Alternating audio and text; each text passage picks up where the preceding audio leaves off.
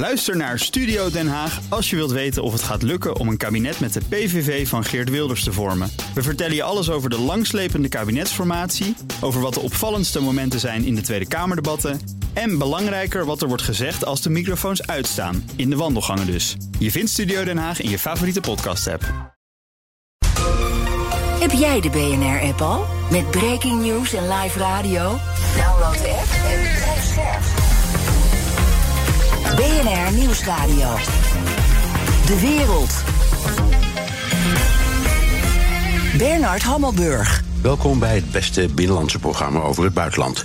Door de oorlog in Oekraïne is ook voor veel sceptici Europa een beetje meer als eenheid gaan voelen. Hoe liggen de verhoudingen en is de Unie opgewassen tegen een oorlog die misschien wel jaren gaat duren? Ik praat erover met Mathieu Segers, hoogleraar hedendaagse Europese geschiedenis aan de Universiteit van Maastricht en maker van de podcast Café Europa. Welkom Mathieu. Hallo, fijn om er te zijn, Bernard. Ja, fijn om je te horen. De Franse president Macron heeft op de veiligheidstop Globsec in Bratislava toegelicht hoe de toekomst van Europa, Europa er volgens hem uit moet zien en dan vooral op het gebied van defensie. Que oui, une Europe de la défense, un pilier européen au sein de l'OTAN est indispensable. C'est le seul moyen d'être crédible pour nous-mêmes, d'être crédible dans la durée, de réduire nos dépendances et de prendre cette part légitime du fardeau qui est le nôtre. Ja, we moeten dus uh, absoluut op eigen benen blijven staan. Is dat, um, nou ja, uh, onderschrijf jij dat? Uh, ja, ik, ik, onderschrijf dat wel in de, in de huidige context. Uh, maar ik wil er wel graag bij zeggen uh, dat dit geluid van de Franse president vanuit Frankrijk geen nieuw geluid is. De Fransen hebben altijd gezegd, vanaf het begin van de Europese integratie, die Europese integratie moet ook een instrument zijn voor ons. Frankrijk voorop natuurlijk, maar uh, daarachteraan in de Franse visie heel Europa. Om een eigen positie in te kunnen nemen in uh, de wereldpolitiek van de toekomst. En als we dan niet investeren in die capaciteit, ja, dan kan dat niet. Dus dit is eigenlijk een consistente Franse lijn die nu weer uitgedragen wordt, omdat natuurlijk de omstandigheden uh, ja, zorgen ervoor dat die, die lijn nu de wind in de zeilen heeft. Ja, even iets um, in de zijlijn. Hij zei, hij zei nog iets opvallends. ja, waarschijnlijk, je hebt het waarschijnlijk ook gehoord. Hij verwacht in de loop van het jaar onderhandelingen tussen Rusland en Oekraïne. Um, en dat betekent volgens mij een soort van verandering, want iedereen heeft het alleen maar over steun, steun, steun aan Oekraïne. Ja. En dat woord onderhandeling hoor je nauwelijks. En hij zei nog iets. Hij zei dat hij het onhandig vindt dat uh, het internationale strafhof een arrestatiebevel tegen Poetin heeft uitgevaardigd. Heeft hij gelijk? Uh, nou, hier uh, zou ik zeggen ja en nee. Kijk, in algemene zin is het zo dat uh, wat Macron nu doet, dat probeert hij al de hele tijd, eigenlijk vanaf het begin van de aanvalsoorlog van Rusland in Oekraïne, probeert hij een eigen positie voor Frankrijk en Europa te creëren die niet per definitie de lijn van de VS volgt. En de Verenigde Staten die zitten natuurlijk vol in de, in de steun van Oekraïne in de oorlog tegen Rusland. En uh, Emmanuel Macron is uh, sindsdien druk bezig om uh, daar zich niet van te distancieren van die Amerikaanse lijn, maar wel steeds aan te geven. Ja, er zijn meer smaken dan de Amerikaanse smaken. En we moeten bijvoorbeeld niet de, de deur naar Rusland definitief tot ver in de toekomst dichtslaan. Want Rusland zal blijven liggen waar het ligt. En dat is ver van de VS, maar dicht bij ons. He, dus ja. we moeten ons er ook toe verhouden. En daarom heeft hij altijd een lijn opengehouden om ook te zeggen: ja, onderhandelingen die moeten er toch op enig moment komen. Daar wil Frankrijk dan natuurlijk een belangrijke rol in spelen. Ja. Aan de andere kant zou je wel kunnen zeggen dat dit ja. toch een provocatie is. Hè? Want ik bedoel, het internationaal strafhof is er niet zomaar. Uh, Poetin is niet zomaar aangeklaagd door het internationaal strafhof. Er zijn hele duidelijke redenen voor. Je zou zelfs kunnen zeggen: als je het internationaal recht als Europa serieus neemt, kon je niet anders dan dat doen.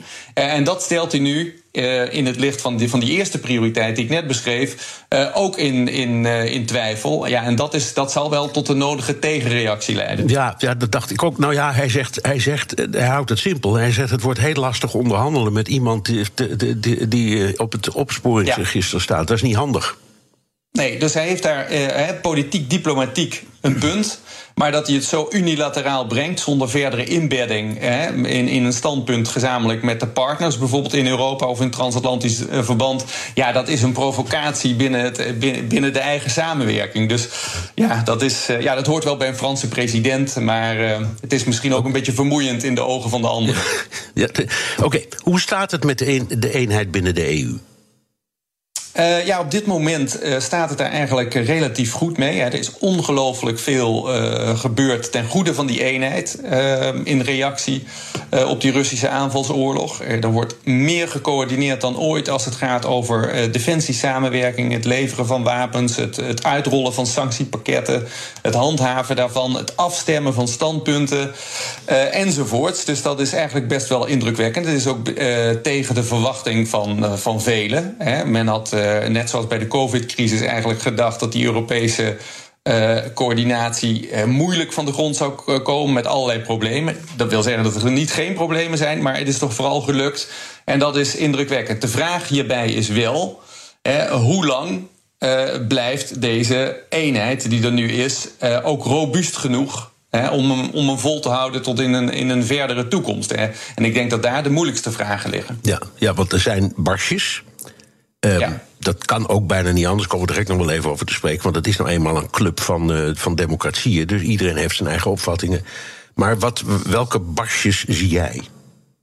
Nou ja, de, die, die Franse positie waar je mee begon is wat dat betreft wel interessant. Frankrijk is naarstig op zoek naar een eigen lijn zonder daarmee de EU dwars te zitten. Maar dat leidt er wel toe dat zij vaker een andere kant van het touw trekken dan anderen. Dus bijvoorbeeld uh, lidstaten die helemaal niet blij zullen zijn met de laatste uitlatingen van de Franse president, die bevinden zich in de Baltische uh, regio. Uh, Polen hoort daar absoluut bij, maar ook Duitsland zal niet blij zijn. omdat dat de huidige lijn als het ware een beetje aan, aan, het, aan, het, aan het zwabberen brengt. Um, die landen die ik nu noem, met name de Baltische Staten en Polen, dat zijn de hardliners uh, in dit conflict. Die zeggen eigenlijk liever vandaag dan morgen.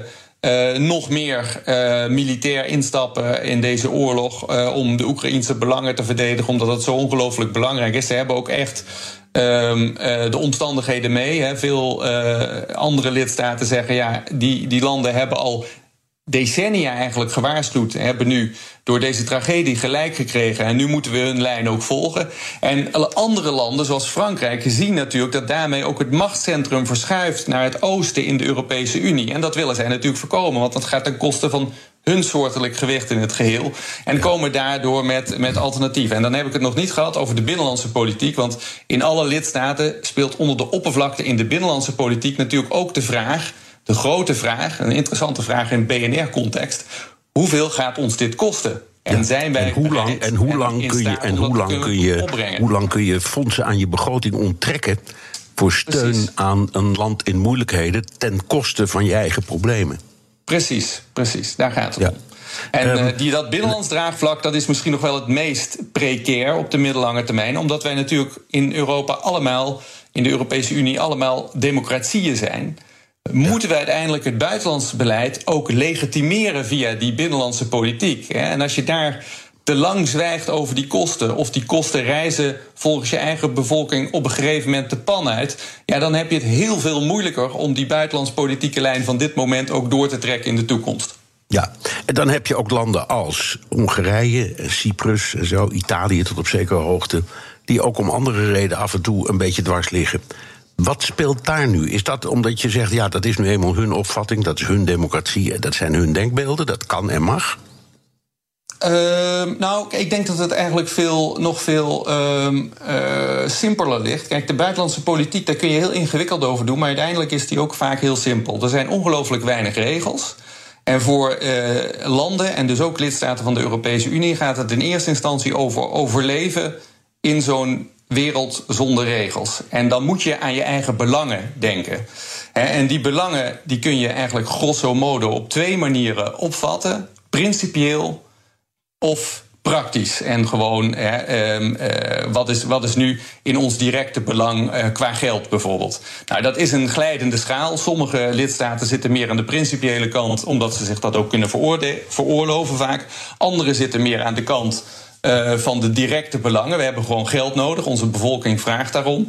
En als je aan die kant gaat zitten en je kijkt bijvoorbeeld naar Cyprus en Hongarije, ja, die hebben hele duidelijke belangen die nog steeds verweven zijn, ook direct met de Russische economie. Of dat nu gaat over energie of dat het gaat over Russische oligarchen die zaken gestald hebben, zoals bijvoorbeeld in Cyprus het geval is. En de uh, toerisme-sector daarvoor een groot gedeelte in de lucht gehouden hebben de afgelopen decennia.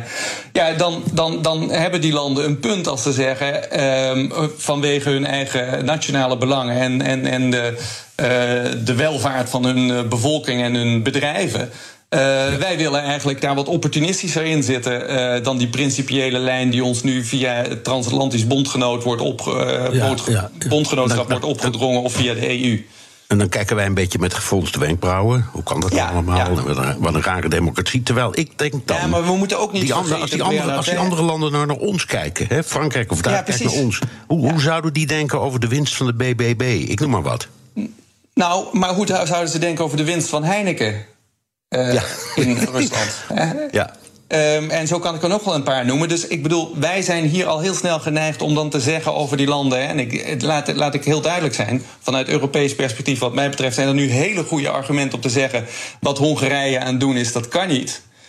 Maar aan de andere kant, als je dat argument echt hard wil maken, zul je wel moeten bewijzen dat je het zelf echt anders doet. En ja, daar, bijvoorbeeld in het geval van Nederland kun je daar best wel wat vraagtekens bij zetten. Want als je heel grof naar de situatie kijkt, bijvoorbeeld van voor wat betreft het sanctiebeleid, dan was Nederland niet alleen laat met het uitrollen van de sancties zoals ze waren afgesproken en ook niet altijd even adequaat genoeg.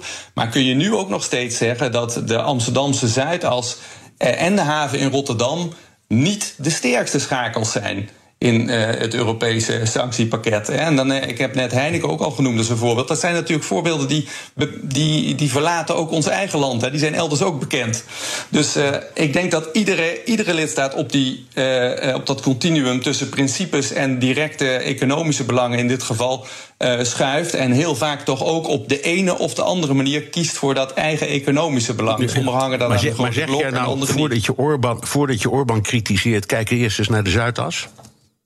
Uh, nou, doe dat in ieder geval allebei tegelijkertijd. Hè. Dan, ben je, dan ben je ook geloofwaardig. Dus uh, okay, doe niet alsof even, even, even snel. Wel, welke rol speelt in jouw ogen de commissie, de Europese Commissie?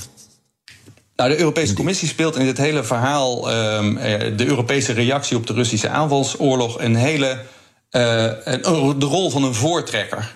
Dat heeft sommigen een beetje overrompeld. Veel daarvan is direct ook gekoppeld aan de manier waarop Ursula von der Leyen, de voorzitter van de Europese Commissie, haar rol invult en het ook iedere keer heeft over wij moeten als Europese Commissie geopolitiek worden. En van haar kun je wel zeggen dat uh, ze doet wat ze zegt. He, zij laat dat niet bij woorden, ze gaat ook echt voorop lopen, vaak tot ergernis van de lidstaten. Want de, de hoofdsteden uh, van de lidstaten, die zitten af en toe wel met opgetrokken wenkbrauwen te kijken van wat doet mevrouw von der Leyen nu weer? Hoe ver loopt ze nu weer voor de troepen uit? En dan gaat het bijvoorbeeld over de beloftes die uh, gesuggereerd zijn in het kader van het toekomstige lidmaatschap van de Oekraïne van, van, van de Europese Unie, bijvoorbeeld. Ja, ja. Dit is BNR De Wereld. Mijn gast is Mathieu Segers, hoogleraar hedendaagse Europese geschiedenis aan de Universiteit Maastricht. Foreign Minister Bilstrom and I will both travel to Oslo for the NATO Foreign Ministers meeting. Uh, as we prepare for the Leaders Summit in Vilnius, we're continuing to make sure that our alliance is stronger, more united, and better positioned to navigate a changing environment. From Putin's aggression in Europe to the PRC challenge to risks in space and cyberspace. Ja, dat was uh, Anthony Blinken, Amerikaanse minister van Buitenlandse Zaken, die een soort van breed palet uh, trekt over uh, hoe de alliantie eruit moet zien. Gaat natuurlijk ook over het lidmaatschap van Zweden, de situatie met uh, Rusland. Als we kijken naar de geschiedenis van Europa, Mathieu, na de Tweede Wereldoorlog, wat kunnen we dan leren? Poeh, ja, dat is een, in het kader van deze uitspraak van, van Blinken, denk ik, uh, dat we in ieder geval, laten we het even bij de recente geschiedenis houden, Bernard, met je goed vinden. Nou, maar uh, dat, we in ieder geval. De hedendaagse geschiedenis. ja, ja. Zeker. Maar nog heel recent, een paar jaar geleden, zei de Franse president dat de NAVO hersendood was. Ik denk dat we dat iets te snel gezegd hebben. Ja, uh, maar daarvan Europa. zei hij van de week zelf. Inmiddels hebben ze elektroshock gehad. Dat vond ik gegeven. ja, ja, precies. Dat, hè, en die elektroshock die bewijst dat Kijk, als puntje bij paaltje komt in veiligheidskwesties in Europa op dit moment, zijn we helemaal afhankelijk van de NAVO. wat leren we daarvan met terugwerkende kracht van de geschiedenis? Dat wij dat hele geopolitieke spel uitbesteed hebben eigenlijk aan anderen. Want wie houden die NAVO overeind? Nou, aan de allereerste plaats de VS. Want dankzij de VS hebben we nu een positie in die oorlog.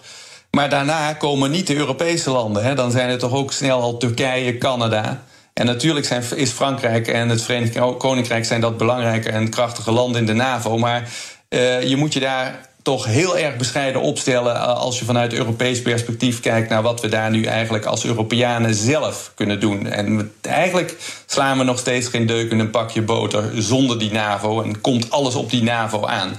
Dus wat kunnen we leren van die naoorlogse geschiedenis? Niet alleen dat we die verantwoordelijkheid voor onze eigen veiligheid uitbesteed hebben, maar ook dat we wel heel laat erachter zijn gekomen uh, dat dat uitbesteden een prijs heeft. Eigenlijk zou je kunnen zeggen, dringt dat besef nu pas echt door. En dit is ook een van de grote spanningsvelden in het Europa van vandaag. Want die, uh, zou ik maar zeggen, de vooroplopende leiders op dit moment, ik noemde net Ursula von der Leyen, de voorzitter van de Europese Commissie, die gaan helemaal mee in het uh, verhaal en dragen dat ook uit en um, bewijzen dat, bij wijze van spreken, ook iedere dag, dat het NAVO-belang ook het EU-belang is. Maar als je wat beter in die EU kijkt, zie je dat daar toch allemaal twijfels opkomen of dat echt wel zo is. Of je dat echt wel gelijk kunt schakelen. En of het niet zo is dat je via die NAVO eigenlijk dat lot wat je juist in eigen hand wil nemen in Europa in de, in de toekomst, niet bijvoorbeeld al uit handen geeft. En uh, ja, ik denk dat dat een van de grote discussiepunten is die nu op tafel ligt en waarvan nog absoluut niet is uitgekristalliseerd hoe dat er verder uit gaat zien. En dan laat ik nog even buiten beschouwing wat de VS daarvan denken. Want die hebben natuurlijk onder de vorige president, president Trump, over die NAVO signalen afgegeven die tamelijk in lijn waren met het woord hersendood van president Macron. Ja. Even een klein sprongetje en belangrijk en iets waar jij vaak en veel over praat. Heeft dit alles, of de wijze waarop wij optreden, of waarop we interpreteren, nadenken, heeft dat te maken met gebrek aan kennis bij onszelf over wat die EU nou eigenlijk is? Ja, ik denk dat je daar een heel uh, goed, en, maar ook heel gevoelig punt aanraakt. Ik denk niet alleen gebrek aan kennis over wie we zelf zijn, want daar komt het op neer, hoe vreemd dat ook klinkt. We kennen onszelf ongelooflijk slecht. We zien ook heel slecht waar de echte zwakke plekken zitten. Maar ook een gebrek aan kennis over uh, ja, de, de geschiedenis die op dit moment gemaakt wordt. Hè, de geschiedenis waarin wij leven. We zijn heel erg lui geweest in het denken. Dat is natuurlijk voor een gedeelte, en misschien wel voor het allerbelangrijkste gedeelte, toe te schrijven aan de enorme voorspoed die we hebben beleefd in dit gedeelte van de wereld in de periode na de Tweede Wereldoorlog. Eerst van wederopbouw, daarna van economische boom en eh, enorme welvaarts- en welzijnsexplosies. En in die context zijn we vergeten om over de grote vragen van onze eigen veiligheid en onafhankelijkheid na te denken. En die leiheid die komt ons nu duur te staan. Want behalve dat de huidige situatie met hele grote urgentie vraagt om daarover na te denken en eigenlijk nagedacht te hebben, zie je die luiheid ook gereflecteerd in onze eigen samenlevingen en overheidsorganisaties. En daar is die kennis op dit punt dus inderdaad niet op orde. Er is ook geen cultuur om geopolitiek na te denken. Eh, en wat, eh, wat te doen in een hardere en rauwere wereld waarin onze belangen veel meer in de wind komen te staan. Hoe handhaven we ons daar? Daar beginnen we nu pas aan. En dat is wel echt het gebrek. Kijk je naar verschillende, laat maar zeggen, sectoren van, van, van de samenleving. Je kijkt naar het onderwijs. Je kijkt naar de politiek, dus Tweede en Eerste Kamerleden en uh, kabinetsleden. Je kijkt naar de journalistiek. Je kijkt naar de wetenschap. Waar zit nu het pijnpunt het meest? Ja, dat zit eigenlijk eh, door, door al die sectoren. En ik denk dat, uh, dat, je, dat je het kunt samenvatten als... Hè, dit gaat veel verder dan um, onderwijs alleen bijvoorbeeld. Daar kun je het niet mee oplossen. Dit gaat om een bepaalde sensitiviteit die we verloren zijn... Hè, door die luiheid in het denken die ik, die ik zojuist omschreef. En eigenlijk zou je het misschien wel samen kunnen vatten als... Ehm, het vermogen van een samenleving om weerbaar te zijn in een geopolitieke wereld. Een wereld die weer geopolitieker geworden is en dus harder, bedreigender. En die niet gaat over mogelijkheden, zoals wij die wereld heel graag willen zien, maar vooral over begrenzing van mogelijkheden als je aan je eigen veiligheid denkt. En dat vermogen, dat zijn we eigenlijk kwijtgeraakt. Het is niet zo dat dat nooit geweest is, maar we hebben in groot op, fases van groot optimisme heel veel van dat vermogen eigenlijk een bepaalde manier weggeorganiseerd eh, en, en op het tweede plan gezet. En, en dat kan ons wel eens duur komen te staan. Het is ook wel heel ingewikkeld om die, de EU met al die toppen en al die gremia en de raad en de commissie en het parlement en ga zo maar door te volgen. En ik denk ook wel eens, de gemiddelde Nederlander snapt ook geen snars over het kiezen van de Eerste Kamer. Dus hoe kun je ze kwalijk nemen dat ze zoiets veel ingewikkelders als de EU niet helemaal snappen? Nee, dat neem ik ook niemand kwalijk. En ik heb er sterker nog, ik heb er alle begrip voor. Want ik zit regelmatig ook met de handen in mijn haar... terwijl ik er dagelijks mee bezig ben, al jarenlang. Eh, vanwege de complexiteit. En ik denk ook dat het daar bij wijze van spreken... niet in eerste instantie over gaat. Want heel veel mensen in Nederland en ook in de rest van Europa... die voelen zeker in deze omstandigheden... en eigenlijk al sinds brexit op hun klompen aan... dat het belangrijk is uh, dat we op de een of andere manier met elkaar samenwerken als vergelijkbaar denkende landen uh, in dit gedeelte van de wereld. Alleen bij dat basisgevoel blijft het heel vaak. En dat maakt het een beetje een onbestemd gevoel. Want politieke leiders, en dan heb ik het ook over onze eigen regering, die nemen vaak onvoldoende de tijd, de ruimte en vullen het ook qua leiderschap vaak onvoldoende uh, in om naar de eigen bevolking toe uh, ja, dat, dat gevoel handen en voeten te geven. Als dat zo belangrijk is, wat betekent dat dan wel en wat betekent het niet? Wat zijn de voordelen, wat zijn de nadelen, wat zijn de kosten en wat zijn de baten? Uh, en daar gaat het veel te weinig over. En dat is iets wat wij uh, onszelf, ook als, als, als samenleving, want wij kiezen tenslotte onze eigen politici, wel kunnen, kunnen verwijten. Daar zouden we veel meer werk van moeten maken. Ja. En dan hoef je helemaal niet op die, al die complexiteiten in te gaan. Nee. Na de reclame en het uh, nieuws praten we verder. Ook Harm Edens vind je in de BNR-app. Je kunt BNR Duurzaam niet alleen live luisteren in de app, maar ook terugluisteren als podcast, zoals al onze podcasts. En naast dat de BNR-app Breaking News meldt, houden we je ook op de hoogte van het laatste zakelijke nieuws. Download nu de gratis BNR-app en blijf scherp. Blijf scherp. BNR Nieuwsradio. De wereld. Bernard Hammelburg. In Moldavië zijn 47 landen bij elkaar op een bijeenkomst van de Europese politieke gemeenschap. Mijn gast is Mathieu Segers, hoogleraar hedendaagse Europese geschiedenis en Europese integratie aan de Universiteit Maastricht en maker van de podcast Café Europa.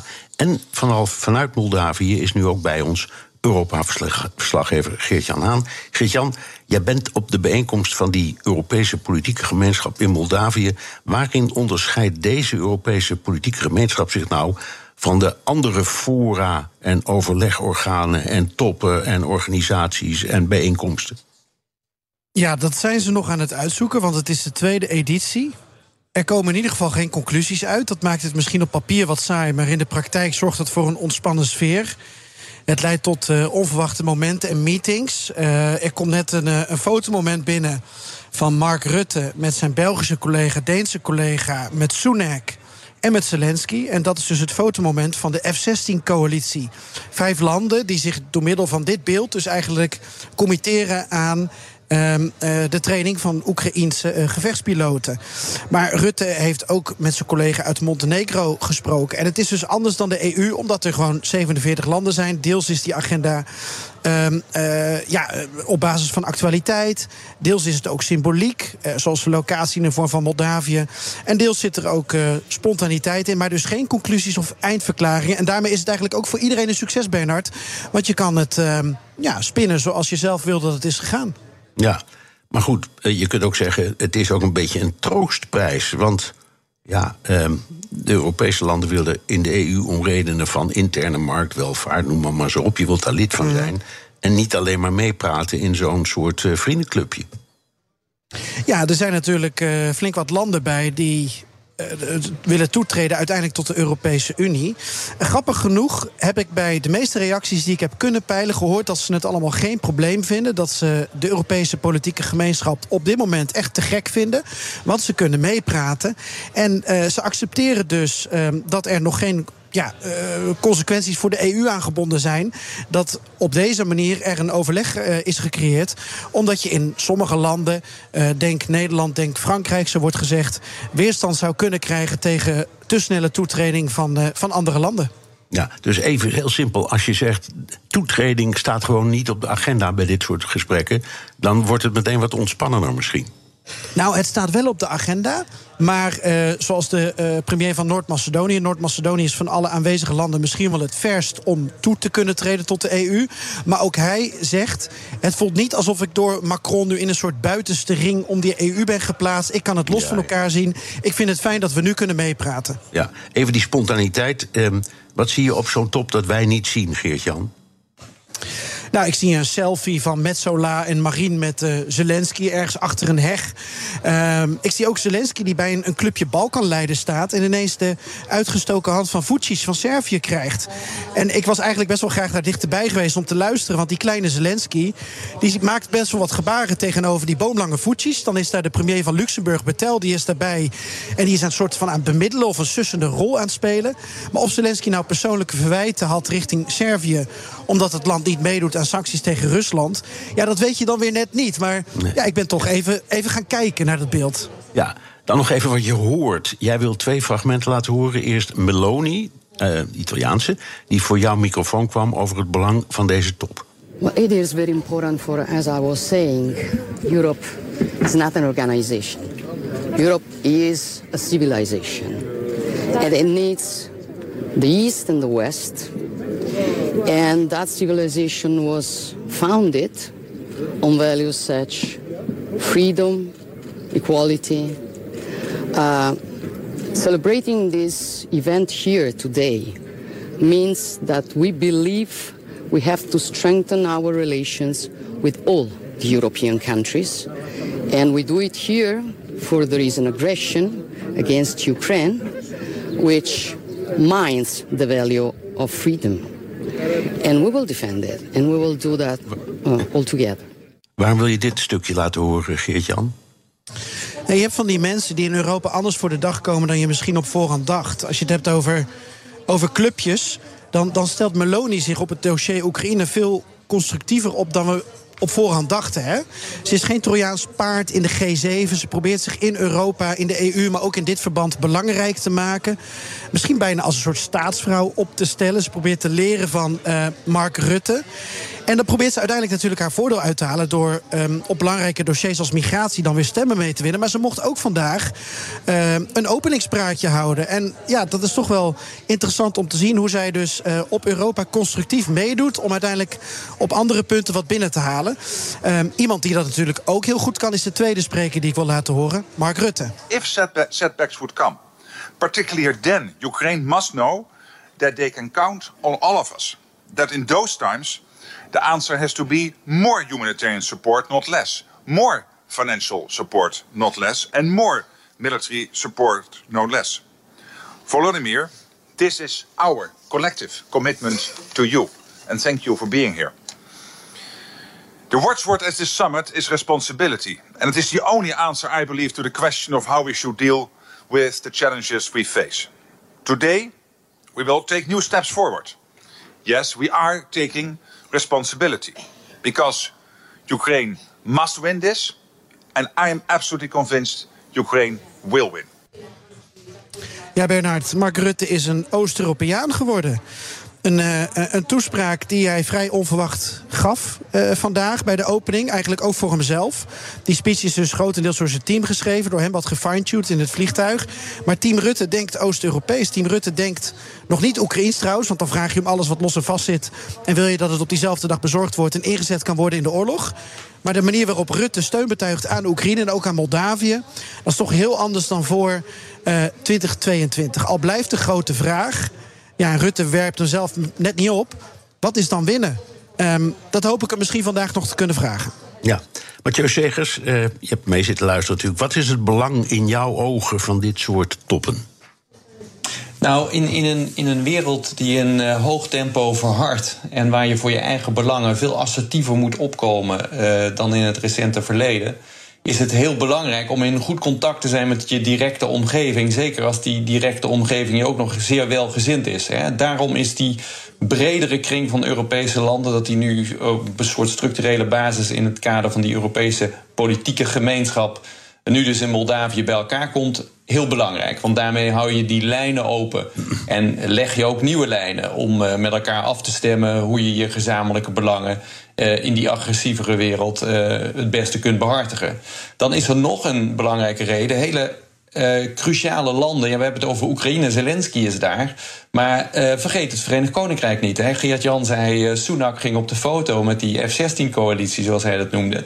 die zitten ook wel in dit overleg. En natuurlijk niet meer in het overleg ehm, dat in het kader van de Europese Unie op allerlei dossiers plaatsvindt. Dus ook voor de band met het VK heel belangrijk. Zeker ook in, in, in de situatie in Oekraïne. is dit een heel geschikte vorm uh, om, om aan te tonen, ja, als je buiten de EU zit, betekent dat niet per definitie dat je een vijand bent. Integendeel, je kunt een hele goede partner zijn in cruciale ja, dossiers. Dus maar oké, we, hebben de we hebben de G20, we hebben de NAVO, we hebben de Europese Raad, we hebben de Europese Commissie, mm. het Europese Parlement, Raad voor Europa, de Europese politieke ja. gemeenschap. Wordt het niet een beetje dringen, Mathieu? Jawel, het wordt dringen. En uh, je noemde een aantal dingen die horen bij de structuur van de Europese Unie en, en een heel aantal die daarbuiten vallen. Ik denk ook dat de Europese Unie in de komende tijd scherpe keuzes moet maken. Kijk, als je hier serieus iets van wil maken van die Europese politieke gemeenschap, het is nu nog heel embryonaal, tweede bijeenkomst na Praag vorig jaar. Uh, ja, dan zul je ook echt op een gegeven moment boter bij de vis moeten doen. Nu vinden die landen uh, het nog allemaal heel fijn dat ze überhaupt uh, de kans krijgen om hun zegje te doen en invloed uit te oefenen. Uh, maar er moeten natuurlijk uiteindelijk ook gewoon dingen bereikt worden en stappen gezet worden. Anders verliest zo'n praatforum natuurlijk op een gegeven moment zijn geloofwaardigheid. Dus dat er nu nog geen verklaring is, dat begrijp ik. Maar dat is niet, daarmee is niet gezegd dat die, dat die er niet moet komen in de toekomst. Hè. Men zal toch moeten nadenken hoe kunnen we hier boter bij de vis gaan leveren voor al die perspectieven die hier samenkomen. En dat betekent ja. waarschijnlijk ook dat je moet gaan zeggen. Als je dit echt belangrijk wil maken, dan worden andere gremia vanzelf minder belangrijk. Want dan ga je hier uh, energie in steken. En de Raad van Europa zou daar bijvoorbeeld wel eens bij kunnen horen, gezien de toestand uh, daar op dit moment. Ja.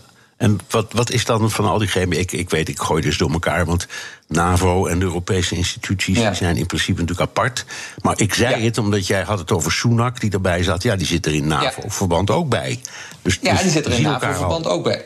Ja, maar dat is een transatlantisch samenwerkingsverband. Hè. De Amerikanen zijn er niet bij. Dus dit is wel een teken dat Europa.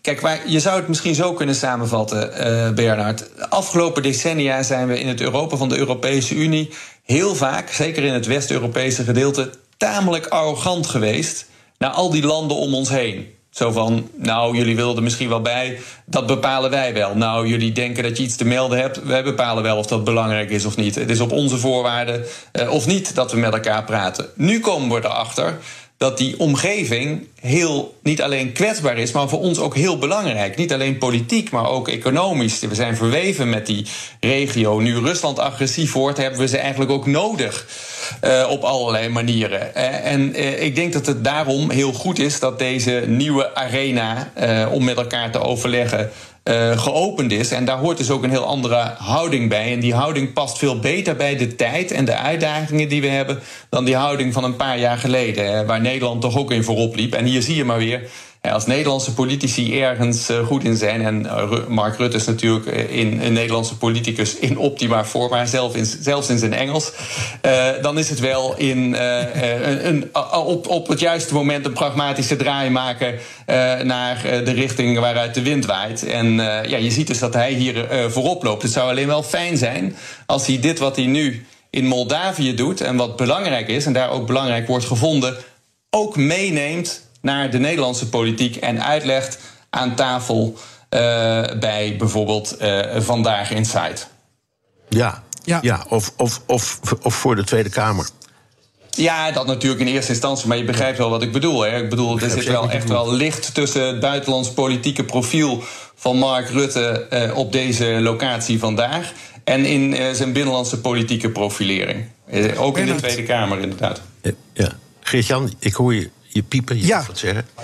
Ja, ik um, heb nog iets uh, wat mij hier opvalt. Wat me ook leuk leek om even aan Mathieu voor te leggen. Want je ziet ook dat mensen in dit verband, dit Europese verband in andere rollen ineens misschien wel uit hun comfortzone worden gehaald. Want nou, we hebben het conflict op de Caucasus. Daar hebben we het niet heel vaak over. De oorlog tussen Armenië en Azerbeidzjan.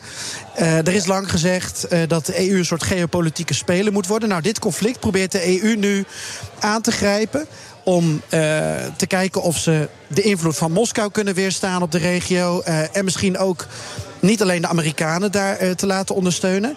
Maar wat je nu ziet, is dat Olaf Scholz een van de bemiddelaars is geworden. Die zit dus vandaag met Pashinian en Aliyev om tafel. Dat zijn al twee mannen die niet zoveel praten. Scholz ook niet. Dan zit Charles Michel erbij, die praat heel veel. Um, ik vind het fascinerend om dat voor me te zien. Dat iets waar we geen idee bij hebben, iemand als Olaf Scholz, die dus een groot conflict gaat oplossen, dat dat dus hier ook gebeurt. En dat vind ik wel weer een geinig onderdeel van zo'n forum. Ja, behalve dat jullie allebei duidelijk maken dat het allemaal vrijblijvend is. Hè? Dus je kunt wat makkelijker, als je Scholz bent, zeggen: jongen, ik ga eens even praten met twee vijanden of tegenstanders, kijken of ik iets kan doen. Maar het heeft uiteindelijk nog niet zoveel om de hakken. Er worden geen, geen beslissingen. Ja, maar er zit nog iets, die, nog iets onder, uh, Bernard. Dat is wel belangrijk, denk ik. Uh, wij hebben ons natuurlijk lang in de luxe gewenteld. Dat we de problemen, bijvoorbeeld Azerbeidzjan en Armenië. dat we die gewoon konden negeren dat we die gewoon van ons af konden schrijven. En met, door de ontwikkelingen van de laatste twee jaar weten we natuurlijk dat, dat, dat het zo niet werkt. Dat dat een, een, een vrij naïeve en domme manier was, ook vanuit je eigen belang, om je op te stellen. Daarom is dit belangrijk. En ik, ik vind het wel een mooi voorbeeld van Geert-Jan. Want een van de dingen die mij wel hoop gaven. toen die, uh, deze politieke gemeenschap het eerst bij elkaar kwam in Praag was precies dat Armenië en Azerbeidzjan in al marge van die top met elkaar in gesprek gingen. Terwijl dat eigenlijk op dat moment de tekenen zo waren, volgens de analisten die er bovenop zaten, dat escalatie meer voor de hand lag. En dan zie je wat zo'n gremium toch teweeg kan brengen. Dat moet nu natuurlijk een follow-up krijgen. En dit is typisch een voorbeeld waar je dus langzamerhand daden moet gaan voegen bij je woorden. Dus hier zie je eigenlijk al dat Scholz in die misschien voor hem wat ongemakkelijke rol vooruit gaat lopen uh, op wat er in, op veel grotere schaal via die politieke gemeenschap uh, moet gaan gebeuren. Uh, wil je die in de benen houden op de toekomst? Namelijk dat je bij cruciale conflicten in dit geval ook een beslissende rol van betekenis gaat spelen. En je niet langer wentelt in die luxe van, nou, als het ons niet uitkomt, we hebben er geen zin in, het is allemaal te ingewikkeld. Deze mensen zijn niet ontwikkeld genoeg om met ons te praten, laten we het maar negeren. Ja. Dit is BNR De Wereld. Mijn gast is Mathieu Segers, hoogleraar hedendaagse Europese geschiedenis en Europese integratie aan de Universiteit Maastricht. En vanuit Moldavië, Europa-verslaggever Geert-Jan Haan. Gisteren sprak de premier van Zweden de pers toe over het belang van het NAVO-lidmaatschap. We've applied for NATO membership because we realize we need to defend freedom and democracy together. But also because we want to bring our own capabilities to common use. As a member, Sweden will be a security provider to the entire alliance. Ja, hij sprak samen daar met Blinken, de Amerikaanse minister van Buitenlandse Zaken. Uh, Mathieu, dat was op een andere top in Luleå in Zweden. Ja. Daar praten Europa en de Verenigde Staten over hoe ze het best kunnen omgaan met China. Wat komt daar nou precies ter sprake? Dit is de zogeheten Trade and Tech Summit. Dus uh, die gaat over handel en technologie. Uh, dat zijn de grote focuspunten. Ja, en daar is het grote thema natuurlijk China. En uh, aan de ene kant hoor je veel van dit soort geluiden rondom die top. En dit gaat dan heel specifiek over het uh, Zweedse beoogde NAVO-lidmaatschap. Zij gaan natuurlijk achter Finland aan. En is ook typisch een voorbeeld van landen die de hitte van de geopolitisering van de wereld op dit moment wat meer voelen dan wij. Die hebben eigenlijk een hele grote draai gemaakt ten opzichte van hun buitenlandpolitieke traditie van de afgelopen tientallen jaren. Land als Zweden misschien nog wel langer, een neutraliteitstraditie. Eh, en besloten om die eigenlijk eh, op het tweede plan te zetten en dus zich bij de alliantie NAVO aan te sluiten. Dus veel transatlantische geluiden van eenheid hoor je rond die top. Maar als je iets beter kijkt, en vooral naar de twee hoofdthema's, trade en tech, ja, dan zeggen de Amerikanen op deze top wat wij moeten doen is decoupling, zoals ze dat tegenwoordig noemen. En dat betekent afschakelen van al onze banden die we hebben met China, zoveel en zo snel als dat kan. Want het is allemaal een gevaar voor onze veiligheid in de toekomst. China is de grote bedreiging van de toekomst. En de Europeanen zeggen tegelijkertijd: ja, behalve dat wij dat niet kunnen, omdat wij nog veel verwevener zijn. Uh, met China dan jullie op dit moment, is dat misschien ook iets wat wij niet op die manier willen. Want wij willen niet zomaar meebewegen op het argument security trumps everything. Dus alles draait om veiligheid. En de consequentie daarvan is dat alles anti-China moet zijn. Wij geloven veel meer in het openhouden van een aantal lijnen. En dat gaat niet alleen over onze directe economische belangen. Daar zit ook een soort Europees gevoel achter. Dat Europa zelf een positie moet kunnen innemen ten opzichte van China. En niet in, in, in alles in het spoor van de VS getrokken moet worden. Dus die top die straalt eenheid uit aan de buitenkant. Maar meteen achter die façade van eenheid zit een gigantisch spanningsveld tussen de VS uh, eh, en Euro, de Europese Unie op vrijwel alle dossiers. Een hele interessante top om te volgen wat dat betreft. Dan had uh, Ursula von der Leyen en anderen het ook, die hebben dan een nieuw begrip ingevoerd. Volgens mij tenminste de-risking. ja, de-risking. Ja. Hoe zie je ja, dat? betekent dat ja, dat, dat is eigenlijk het, het, het, het, woord wat nu volgt op strategische autonomie, wat eh, uit de Franse koker kwam.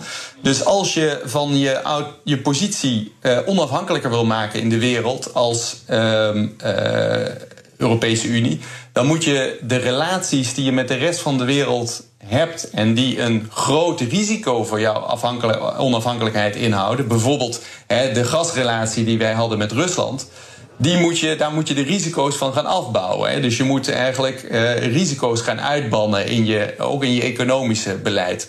En de-risking, zou je kunnen zeggen, is een soort van Europese vertaling van decoupling van de VS. Wat veel harder en duidelijk is. We moeten gewoon af van alle banden met China, eigenlijk heel kort samengevat. En daar zegt uh, de Europese Unie, we moeten vooral naar de risico volle banden kijken. Maar dit is vooral een bezweringsformule, als je het mij vraagt, Bernard, op dit moment van de Europese Unie. Omdat niemand eigenlijk echt weet wat dat de-risking nou gaat betekenen in de concrete dossiers. Waar liggen nou precies de grenzen? Wat wil je precies afbouwen? Zijn er zaken waar je koet van af wil, uh, of juist niet? Nou, al die dingen moeten eigenlijk nog uitkristalliseren. Ja, en als, ik denk steeds als, als 40 of 50 procent van alle Volkswagens in China worden gemaakt. Als Airbus en Boeing daar allebei assemblagefabrieken staan. Ga maar lekker door met je decoupling. Hoe wou je dat doen? Ja, nee, precies. En dus ik denk hè, dat je het ook zo moet, moet zien in dit uh, retorische spel. De-risking is de, de Europese variant. En als je daar beter naar kijkt, dan weten we zelf nog niet precies wat het inhoudt. En de vraag die meteen opkomt, ook in de, in de, in de lidstaten van de Europese Unie uh, de komende jaren heel bepalend zal zijn, is oké, die de-risking, daar zit misschien wel een rationeel idee achter hè, om onze veiligheid te vergroten. Maar wat gaat dat kosten? En kunnen we die kosten, kunnen we en willen we die kosten dragen? En dat is ook een vraag voor het Europese bedrijfsleven. En die zijn natuurlijk al meteen in de de-risking agenda aan het vragen uh, om compensatie en extra investeringen. Dat begrijp jij ook wel. Ja, Geert-Jan, tenslotte nog even. Ehm, op wat voor manier zie jij, als, er, als je al iets ziet, iets van dat de-risking uh, gebeuren? Zijn er al concreet geen... voorbeelden van dingen die gebeuren? Als je het hebt over wat ik hier op deze top daarvan merk, dan is dat niet Heel veel. Uh, er zijn wel specifieke tafels uh, geweest, uh, vergadertafels die wel met dit onderwerp ook te maken hebben. en ik weet wel dat er bilaterale ontmoetingen zijn, bijvoorbeeld ook met leiders zoals Rutte met zijn Montenegrijnse collega, waarbij het misschien ook wel gaat over jongens op de Balkan en in andere Centraal- en Oost-Europese landen. Jullie hebben een bepaalde samenwerking met China die jullie ooit zijn aangegaan. Dat was eerst het 17 plus 1 principe. Dat werd daarna 14 plus 1 omdat de Baltische Staten eruit uitstapte. Ja, ik ben wel benieuwd ehm, hoe dat eigenlijk met die andere landen staat. Of zij nog uh, wel met China uh, verder willen samenwerken of daar aan de-risking doen. Maar dat zijn allemaal van die dingen, Bernard. Er lopen hier dus 47 leiders rond, honderden journalisten. En ik heb gewoon echt. Uh, ik zit wel te genieten hoor, maar ik heb eigenlijk gewoon twee weken nodig om deze ene dag helemaal na te kunnen kijken en te kunnen zien wat iedereen allemaal gezegd heeft. Ja, dan kunnen we denk ik nog uh, 100 uitzendingen maken. Ja, dit is wel een heel interessant voorbeeld. Ja. nou, als ik, ik weet niet of het tijd is heel kort. Kijk, die, die Noord-Macedonië noemde uh, uh, Geert-Jan net ook. In Noord-Macedonië staan natuurlijk al, ondertussen meer dan tien jaar... staat de geopolitiek daar tegenover elkaar. Daar zijn Chinezen met invloed die proberen G5-netwerken uh, uit te rollen. Daar staat Saoedi-Arabië uh, klaar met investeringen. De VS zit natuurlijk nog steeds uh, dik in het hele Balkangebied, inclusief Noord-Macedonië. NAVO-lidmaatschap speelt ergens op de achtergrond. Daar speelt ook de EU nog een rol. Wij waren geneigd om naar zo'n klein gebiedje als Noord-Macedonië, dus heel cruciaal eigenlijk, te kijken zo van, god, zal onze tijd wel duren. Nu is dit een heel relevante vraag voor Rutte om te stellen aan zijn Montenegrijnse collega die in die regio eh, wat beter weet hoe het zit, hè, zoals Geert-Jan aangeeft. Als je kijkt naar uitspraken van Mark Rutte over dat gedeelte van de Balkan uh, een aantal jaren geleden, nou, dan zie je een enorme discrepantie. En dat is natuurlijk heel veelzeggend. Ja, dank. Mathieu Segers, hoogleraar hedendaagse Europese geschiedenis en Europese integratie aan de Universiteit Maastricht. En maker van de podcast Café Europa. En vanuit Moldavië, Europa-verslaggever Geert-Jan Haan. Tot zover BNR De Wereld. Terugluisteren kan via de site, de app Spotify of Apple Podcast. Reageren kan via een mailtje naar dewereld.bnr.nl. Tot volgende week. Ook Liesbeth Staats vind je in de BNR-app. Ja, heel handig. Luister live naar Kees en mij tijdens de Daily Move. Dan blijf je ook gelijk op de hoogte van breaking news en het laatste zakelijke nieuws. En daar vind je ook alle BNR-podcasts, waaronder de Perestrooikast. Download nu de gratis BNR-app en blijf scherp.